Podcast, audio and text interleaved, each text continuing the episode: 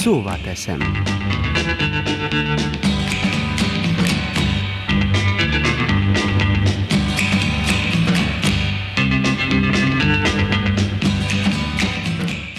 Nem is olyan rég még olyan kellemes, meghitt, bekuckózós, az otthon melegét élvezős hangulata volt a télnek. Különösen decemberben és talán még egy kicsit januárban is. Vártuk a karácsonyt egy hónapig, adventeztünk előtte mindenfelé. Aztán akik akartak, mehettek szépen síelni a hegyekbe januárban, februárban, otthon meg hógolyóztunk, hóembert építettünk, és tavasszal újult erővel álltunk neki a mindennapoknak, mint a nyiladozó virágok. Na jó, az is lehet, hogy sosem volt ennyire idillikus a ködös és sötét késő ősz, se a hideg fagyos tél, de ugye emlékeznek még mire gondolok. Idén majd megint örülhetünk, ha egyáltalán látunk valamikor egy-két hópelyhet, mert hogy az éghajlatváltozás már annyira bedurvult, hogy sokkal inkább van esély decemberben zivatarra és 22 fokra, mint fehér karácsonyra. De annak is fogunk örülni, mert akkor legalább nem kell majd fűteni mert ahogyan ezen a furcsa földön működnek a dolgok, erre a száraz, forró, katasztrofális nyárra egész biztos rekordhideg tél fog jönni. Épp akkor, amikor arra a legkevésbé lenne szükségünk. Mert ugye jön a tél, winter is coming, ijeszgetnek minket, bárhová nézünk. Két évig a Covid miatt rettegtünk a hidegebb évszaktól, most meg a vágtázó energiaárak miatt, amelyből jól szinte senki sem tud kijönni, mindegy, hogy mivel fűtünk, és hogy mennyi lesz a károsanyag kibocsátásunk. De nekünk itt Közép-Európában még mindig luxus problémáink lesznek csak, összehasonlítva azokkal a katonákkal, akik majd a kegyetlen orosz télben kell helytálljanak Luhansk és Donetsk mellett, mert a háború több mint fél éve dúl, és Putyin mobilizálási dekrétuma csak eszkalálta a már amúgy is rossz helyzetet. Mit tudunk tenni átlagemberként, hogy kevésbé legyen nyomasztó az elkövetkező időszak? Nos, tanuljuk meg akkor most, hogy jobb lesz visszafogni magunkat, kevesebbet fogyasztani, spórolni, takarékoskodni. Utólag a Covid is olyas valaminek tűnik, ami erre akart volna minket megtanítani, de nem hagytuk magunkat. Vajon mire másra, ha nem a visszafogottságra akar az éghajlatunk romlása is tanítani minket? Túl sokan és túl magas színvonalon élünk már ezen a földön ahhoz, hogy fenntartható legyen a rendszer. Persze a már egyszer kivívott jogokat, a már egyszer elért életszínvonalat nagyon nehéz lejjebb adjuk. Mindenféle fájdalommal, szorongással, megalázkodással és főleg sorozatos csődökkel és recesszióval fog ez járni. Egyszerűen rosszul fog esni mindenkinek.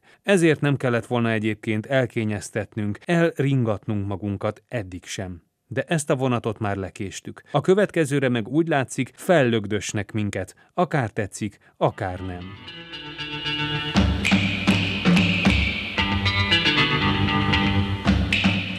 Szóvá teszem.